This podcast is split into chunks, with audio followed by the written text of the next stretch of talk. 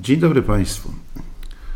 Piotr Rzechowski, Andrzej Wilk, Ośrodek Studiów Wschodnich. Dzisiaj postanowiliśmy porozmawiać o sytuacji na Ukrainie. Od czego zacząć? Ostatnie działania prezydenta Zełęńskiego związane z nałożeniem sankcji na prorosyjskie media oraz, personalnych, oraz personalne sankcje na, na znanego lidera ruchu prorosyjskiego Medwedczuka, postawiły na, na porządku dziennym pytanie, jaki wpływ będą miały te kroki władz ukraińskich przeciwko sojusznikom Rosji w kwestiach na przykład wojskowych. No, oczywiście chodzi nam tutaj o sytuację na linii rozgraniczenia w Donbasie. Czy grozi nam eskalacja?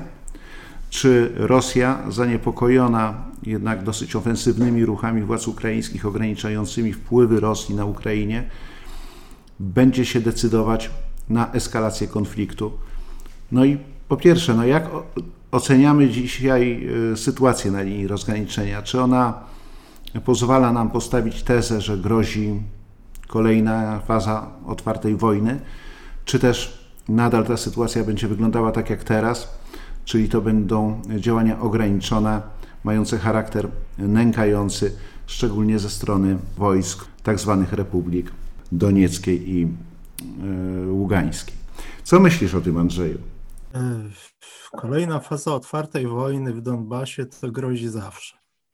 To niestety jest pewien truizm, ale od tego się nie da uciec. Tam jest nagromadzone zbyt dużo, powiedzmy, no, seks, mówiąc ogólnowojskowo, sił i środków po jednej i po drugiej stronie, aby to nie groziło potencjalnie wybuchem czy bardziej zaognieniem konfliktu. Natomiast tu jest jeszcze, jeżeli chodzi o linię rozgraniczenia w Donbasie, jest druga rzecz, dosyć ważna. Ani jedna właściwie ani jedna, ani druga strona, to, to, to, jej, to co się w tej chwili dzieje, jej nie zadowala. W jednym i w drugim przypadku, to znaczy jeden przypadek to bym nazwał dosyć prosto, to są ci, ci te, te, te rosyjskie jaczejki okupujące kawałek obwodów Łuchańskiego i Donieckiego. To one, jeżeli tam się nie będzie nic działo, to one będą totalnie nieważne i niepotrzebne. Także w ich interesie jest, będzie zawsze podtrzymywanie jakiegoś, jakiegoś tam poziomu eskalacji, choćby minimalnego.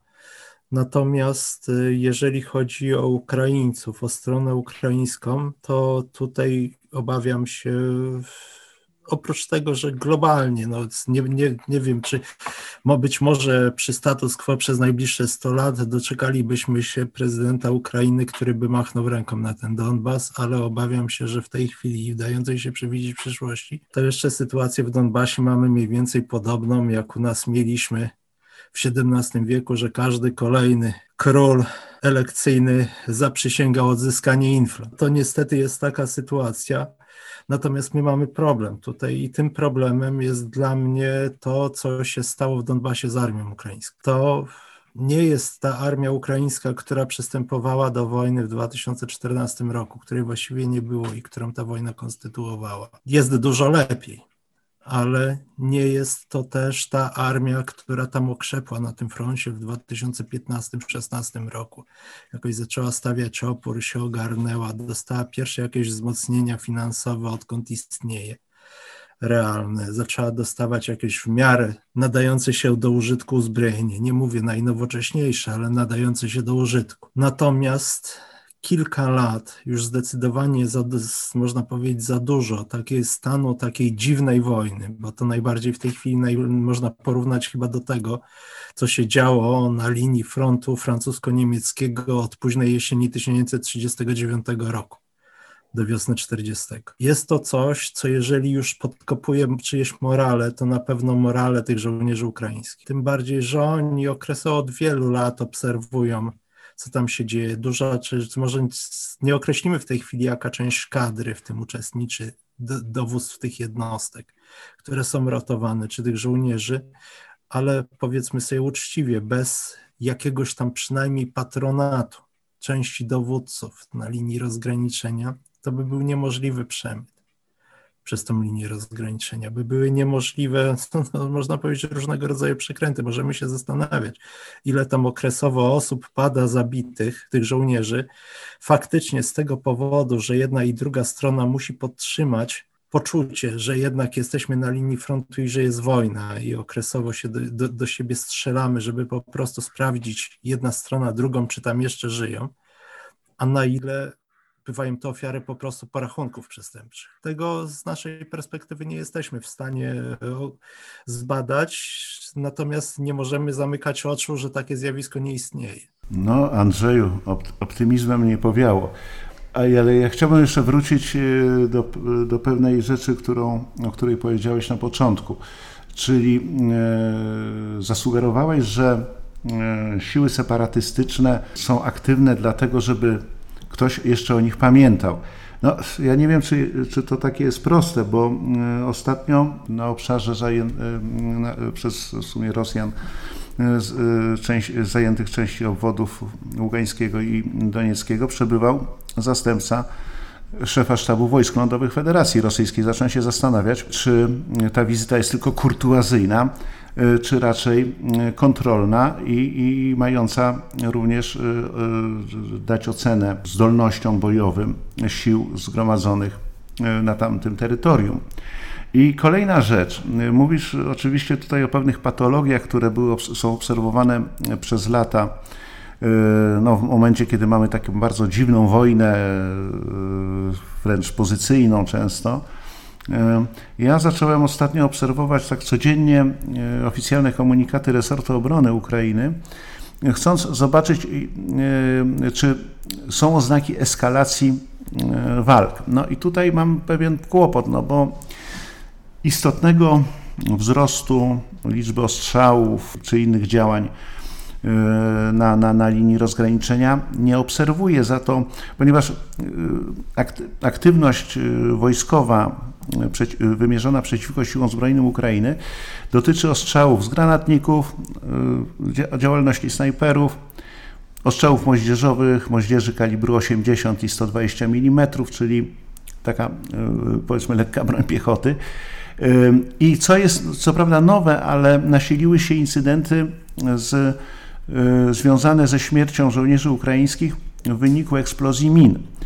E, według źródeł ukraińskich e, te miny są stawiane zdalnie na szlakach, na, na drogach wiodących do sieci posterunków ukraińskich na linii rozgraniczenia.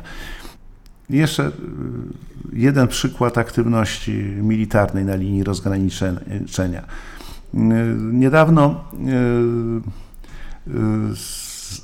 doszło do przedarcia się zwiadowcy sił separatystycznych do e, głąb pozycji ukraińskich e, i, i ataku przy wykorzystaniu noża szturmowego jednego z żołnierzy ukraińskich. E, no, trochę zaskoczenia odebrano tą informację, zresztą sami Ukraińcy byli zaskoczeni, zaczęli się zastanawiać, w jakim cudem ten człowiek przeszedł przez sieć posterunków i pola minowe w głąb pozycji ukraińskich. To też świadczy o tym, jak, jaka, jest, jaka jest sytuacja w terenie y, na tym obszarze. Ona nie jest, ona nie odzwierciedla jednak pojęcia stałego frontu. To jest trochę to, to, to raczej są punkty oporu czy punkty obrony, które, które mają zabezpieczyć czy ostrzegać przed, przed posuwaniem się obcych sił, ale nie są to w naszym takim myśleniu właśnie tak jak wspominałeś, 39 e, rok to nie jest e, linia okopów. Ale do czego zmierzam? Ja chciałbym e, Ciebie zapytać, Andrzej. A ja chciałem się wtrącić. No to, to no, słucham. Ja chciałem się wtrącić, albowiem starasz się tutaj wprowadzić jakieś przeciwstawienie. Ja tutaj nie widzę przeciwstawienia. Natomiast tak nadal twierdzę, że ci separatyści, tacy standardowi, jakich obserwowaliśmy w poprzednich latach, czyszczący razem z armią rosyjską ten worek debalcewski i tym podobny, walczący na lotnisku w Doniecku, ci, do których się przyzwyczailiśmy, to oni naprawdę mają niewiele do powiedzenia i niewiele zajęć poza tym właśnie użyciem jakichś le lekkich, e, no można powiedzieć, no, no, moździerzy. Tutaj, jak wspominałeś, co najwyżej czy artylerii od góra. Oni w tej chwili mają, mają no, ich rola jest wtórna, natomiast wspomniałeś tutaj o tym nie pierwszy raz zresztą, że z Rostowa nad Donem pojawiają się okresowo i nie tylko, czasem wręcz z Moskwy, pojawiają się jakieś jaczejki z najwyższych dowództw ze sztabów rosyjskich. To jest poligon, tylko w tej chwili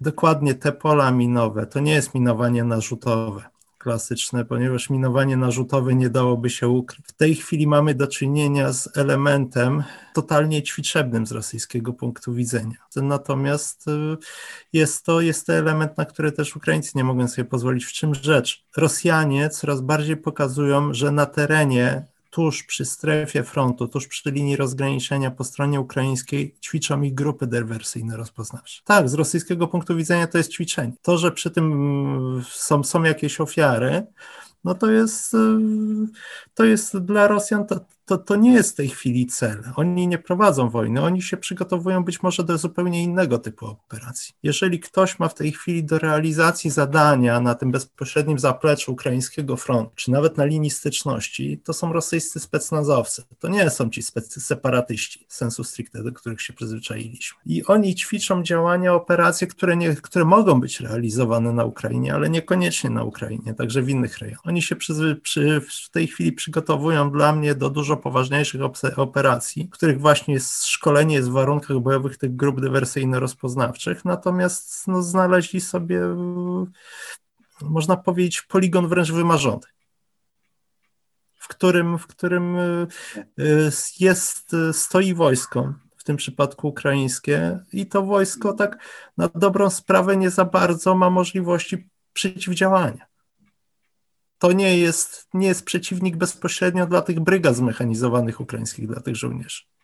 Natomiast tutaj bym wszedł w inną rzecz, bo jeżeli już tego typu formacje do walki z takimi dywersantami mają ci Ukraińcy, to raczej to nie jest kompetencja, to nie jest gestia armii ukraińskiej. To jest kwestia, kwestia żołnierzy Gwardii Narodowej, czy nawet, nawet y, jednostek specjalnych, które, które nie są jednostkami armijnymi na Ukrainie to jest właśnie, ja odbijam może, zanim wejdziesz w to pytanie, w pytanie kolejne do mnie, to ja mam pytanie do ciebie właśnie. Czy Ukraińcy oprócz tego, że, że, że też zaczynają powoli pobrzękiwać szabelką, mimo że byśmy się zaczęli zastanawiać, z jakiego powodu pobrzękują tą szabelką, podczas kiedy na froncie tak na dobrą sprawę, to, to można powiedzieć, że na wschodzie bez zmian ta sytuacja się za bardzo nie zmienia. Ani nie rośnie jakoś zdecydowanie liczba ofiar, ani nie zwiększa się liczba incydentów. Natomiast po stronie ukraińskiej ewidentnie zwiększyła się, że tak powiem, gęstość jakiegoś nastawienia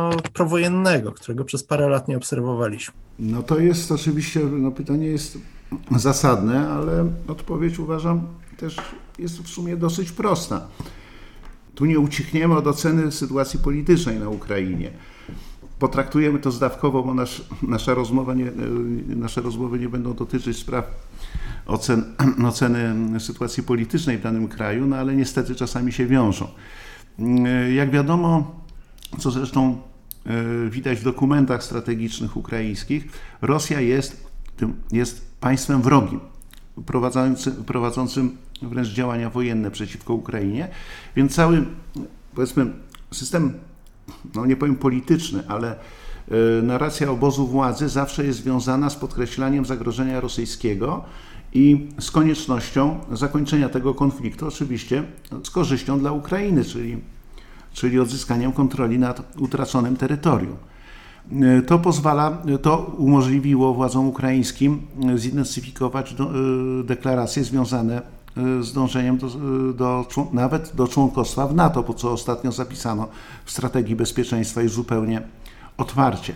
Więc konflikt z Rosją w sposób naturalny zaczął konstytuować politykę bezpieczeństwa państwa. Drugą sprawą jest oczywiście, jak to jest wykonywane, i tutaj musimy znowu wrócić na linię rozgraniczenia, czyli no, ja potem odbiję jeszcze jednym pytaniem, yy, oczywiście do Ciebie, czyli mi chodzi o ocenę potencjału ukraińskiego yy, wojskowego i, i, i no, takie hipotetyczne możliwości oceny ich, e, powodzenia ich działań. Za to ty poruszyłeś sprawę, sprawę wyspecjalizowanych formacji no, w sumie wojskowych, ale również Gwardii Narodowej, która jest obecna na linii rozgraniczenia i, i też uczestniczy aktywnie no, w, w, zabezpieczeniu tego, tego, tego obszaru. Tu e, muszę jeszcze, jeszcze jedno przypomnieć. Kilka tygodni temu prezydent Zełański zlecił mm, mm, przeprowadzenie kontroli y, resortowi obrony i sztabu, sztabowi generalnemu sytuacji na linii rozgraniczenia. Niektórzy komentatorzy to uważają, że to jest oznaka mobilizacji y, ukraińskiej. Ja mam tutaj trochę y, tą kroplę dziegciu chciałbym dodać. Ja uważam, że ta kontrola ma również, e, ma również stwierdzić, w jakim rzeczywistym stanie e, są jednostki ukraińskie, jakie jest morale armii, która stoi na froncie, a praktycznie nie działa. I czy przypadkiem konflikty, które obserwujemy, pomiędzy ministrem obrony a głównodowodzącym, a szefem sztabu generalnego w zarządzaniu sprawami wojskowymi na Ukrainie nie wpływają negatywnie na sytuację na froncie. Kolejną kwestią, która jest bardzo ważna, jeżeli mówimy o o, o, siłach zbrojnych Ukrainy, a również o formacjach Gwardii Narodowej, a tutaj szczególnie w formacjach Gwardii Narodowej, to jest ich odporność na działania wywiadowcze ze strony Rosji. Zgodnie z oficjalnymi komunikatami ukraińskimi można łatwo dojść do wniosku, że najbardziej podatną formacją na działania agenturalne ze strony Rosji jest właśnie Gwardia Narodowa. Za po prostu za pewne kwoty Rosjanie werbują żołnierzy, nawet oficerów Gwardii Narodowej. I, a, co, a co oni im przekazują za, za to wynagrodzenie? Przekazują po prostu informacje o aktualnym rozmieszczeniu sił zbrojnych Ukrainy, planowanych działaniach itd. Tak itd. Tak I tutaj jest, i tu zawsze zwracam uwagę, Rosjanie bardzo poważnie traktują tą, tą, ten konflikt rosyjsko-ukraiński, dlatego że prowadzą bieżące rozpoznanie wojskowe no, na szczeblu taktycznym. Także nawet te na, na małe drobiazgi, że zostanie przesunięte 15 haubic czy 10 armat przeciwpancernych przez, yy, pod Słowiańskiem, to jest, to jest wrażliwa dla Rosjan informacja. I teraz wracamy. Czy możemy porozmawiać po pierwsze o kondycji armii ukraińskiej? Oczywiście, porozmawiać o kondycji armii ukraińskiej możemy zawsze. Tylko swojego czasu pozwoliłem sobie na tezę, opisując armię ukraińską właśnie po Donbasie, najlepsza armia, jaką miała Ukraina. To już, to już nie jest ta najlepsza armia. Ta armia właśnie się zastała co więcej, w tej armii dzieją się rzeczy, które jeszcze kilka lat temu nie miały miejsca, przynajmniej nie były, że tak powiem, na świeczniku. Z prozaicznego powodu.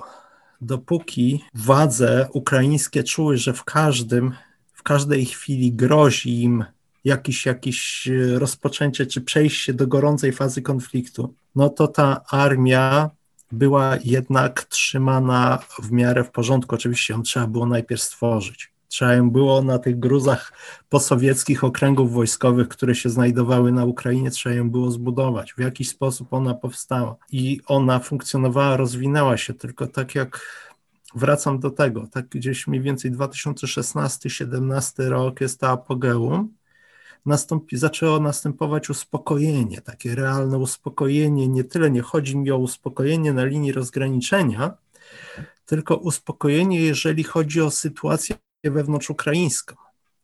Tak jakby zeszło przynajmniej ze świadomości tych, tych y, władz ukraińskich, że, że w każdej chwili możliwa jest gorąca wojna z Rosją, co się ewidentnie zaczęło przekładać na to, co się dzieje w armii o ile jeszcze właśnie w latach 15-16, no to starali się zrobić na tyle, na ile to możliwe, jak na Ukrainę, starano się zrobić naprawdę wszystko, żeby ta armia się podniosła, żeby jakoś stanęła na nogi, zaczęła funkcjonować. To w ostatnich latach obserwuję rzecz no, zgoła odmienną. Armia i konieczność przygotowania Ukrainy do obrony jest raczej traktowana jako pretekst do różnego rodzaju interesów, o które już co zresztą jest kuriozalna sytuacja w ostatnich miesiącach na, na, na fali tych, tych sprzecznych interesów, niekoniecznie zawsze udanych zakupów dla potrzeb armii ukraińskiej, prowadzonych coraz częściej na Zachodzie, zaczyna dochodzić do czegoś, co wcześniej było niemożliwe. W ostatnich tygodniach mieliśmy otwarty spór pomiędzy dowódcami rodzajów sił zbrojnych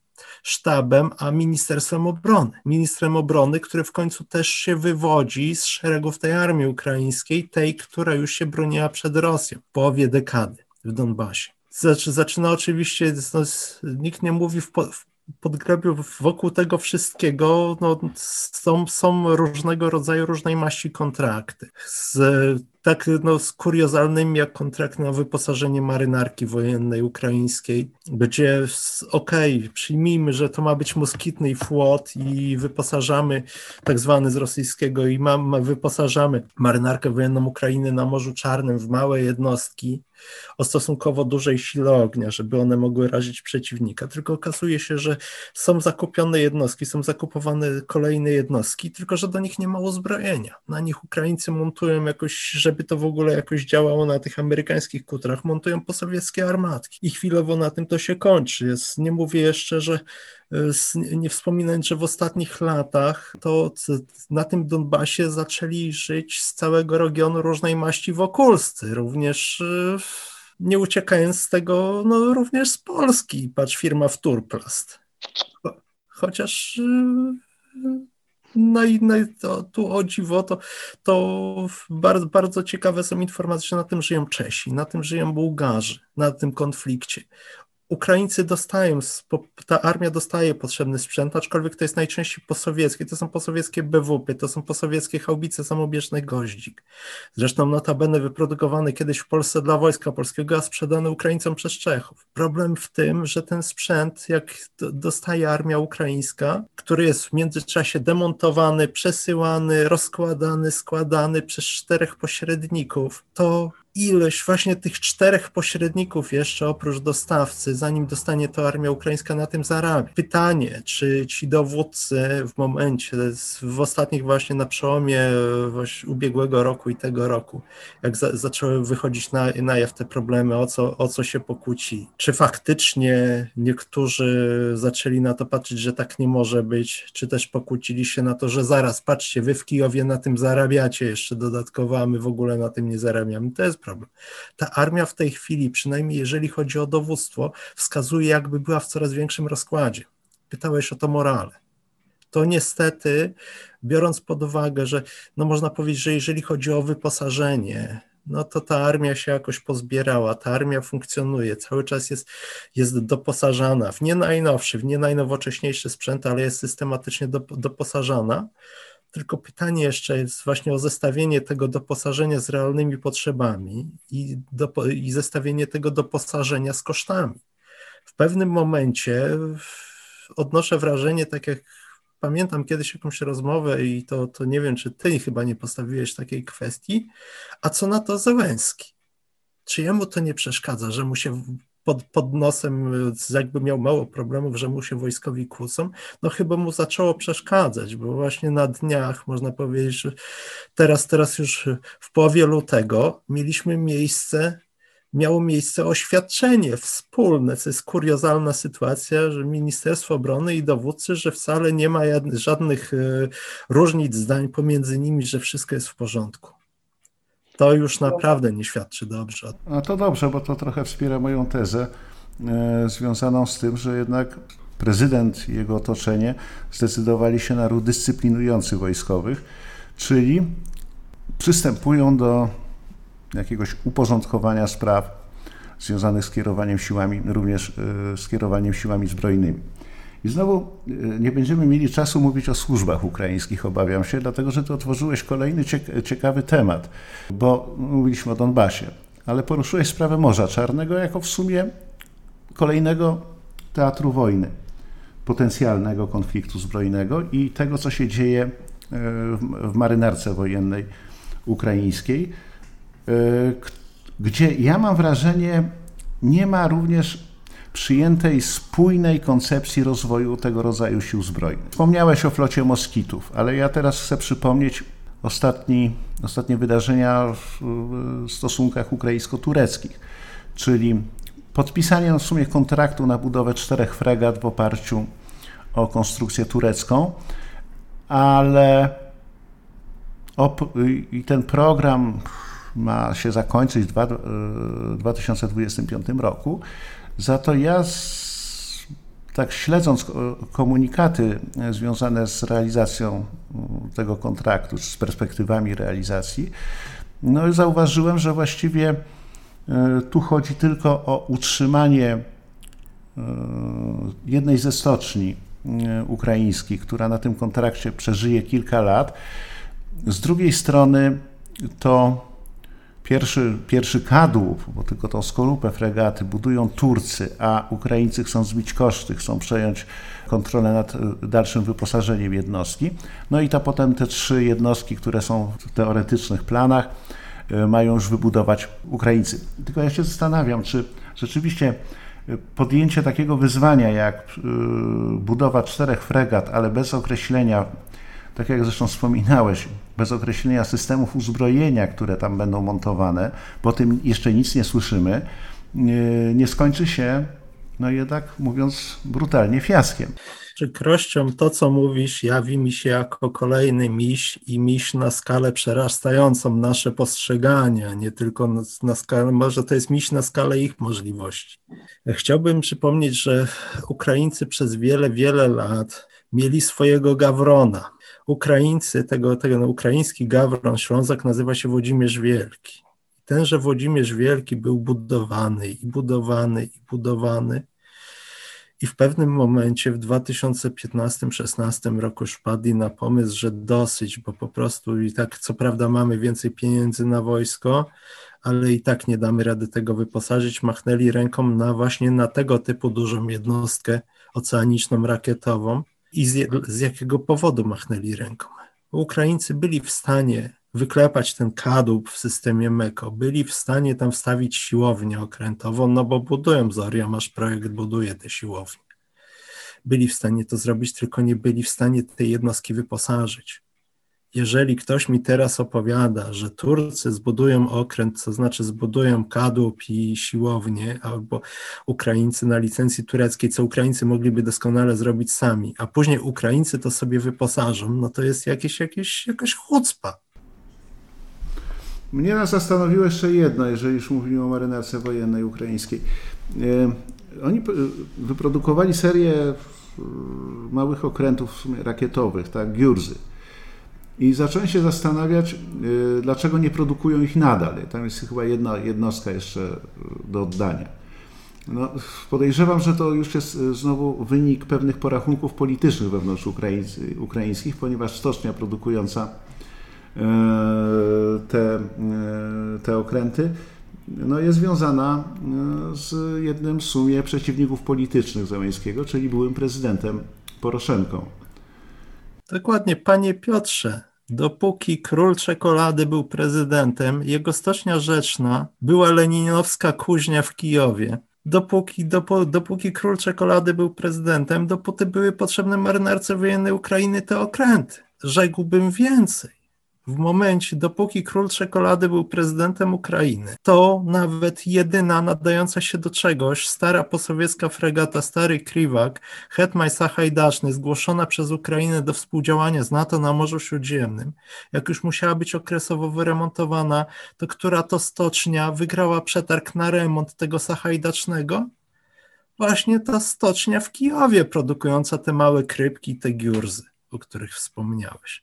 No problem, że ta stocznia wygrała przetarg, a nie mając mocy produkcyjnych musiała zlecić e, remont sachajdacznego podwykonawcy w Odessie. To już jest inna sprawa.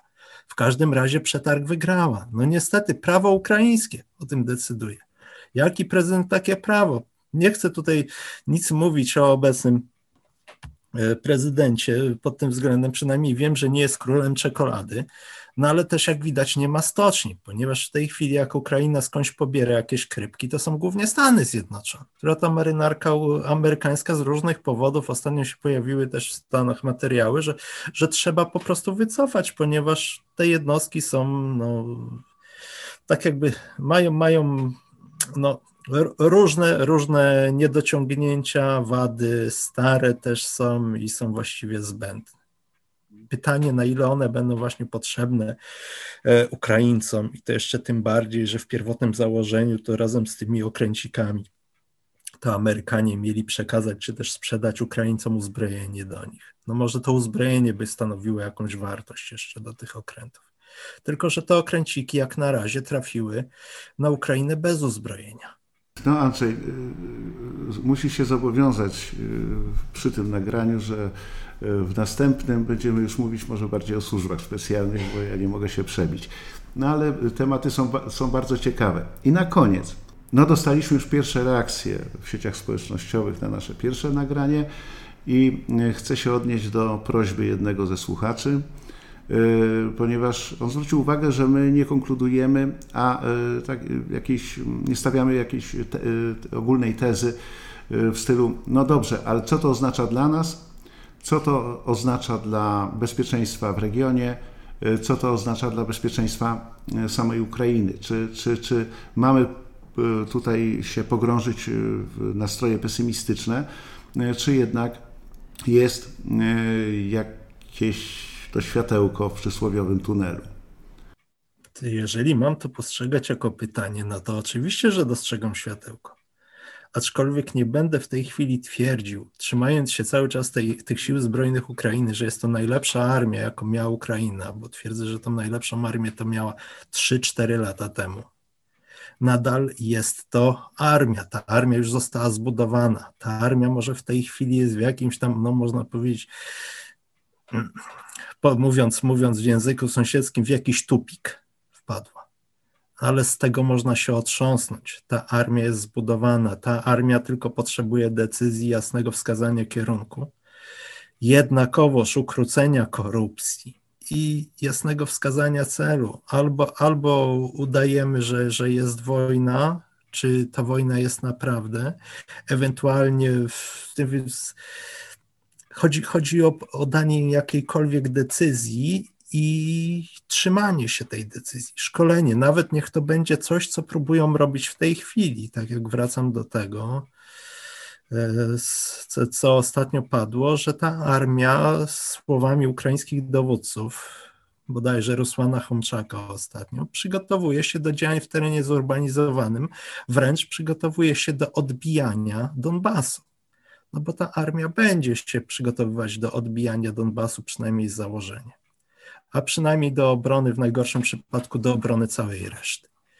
Ale ta armia musi, jeżeli nie, nie może stać tak i obserwować i po kolei, że, że wkradają się do niej procesy gnilne. Na pewno w tej chwili jest zdecydowanie, ma zdecydowanie większą przewagę niż wracam, niż miały trzy postsowieckie okręgi wojskowe nazywane siłami zbrojnymi Ukrainy przed 2014 rokiem.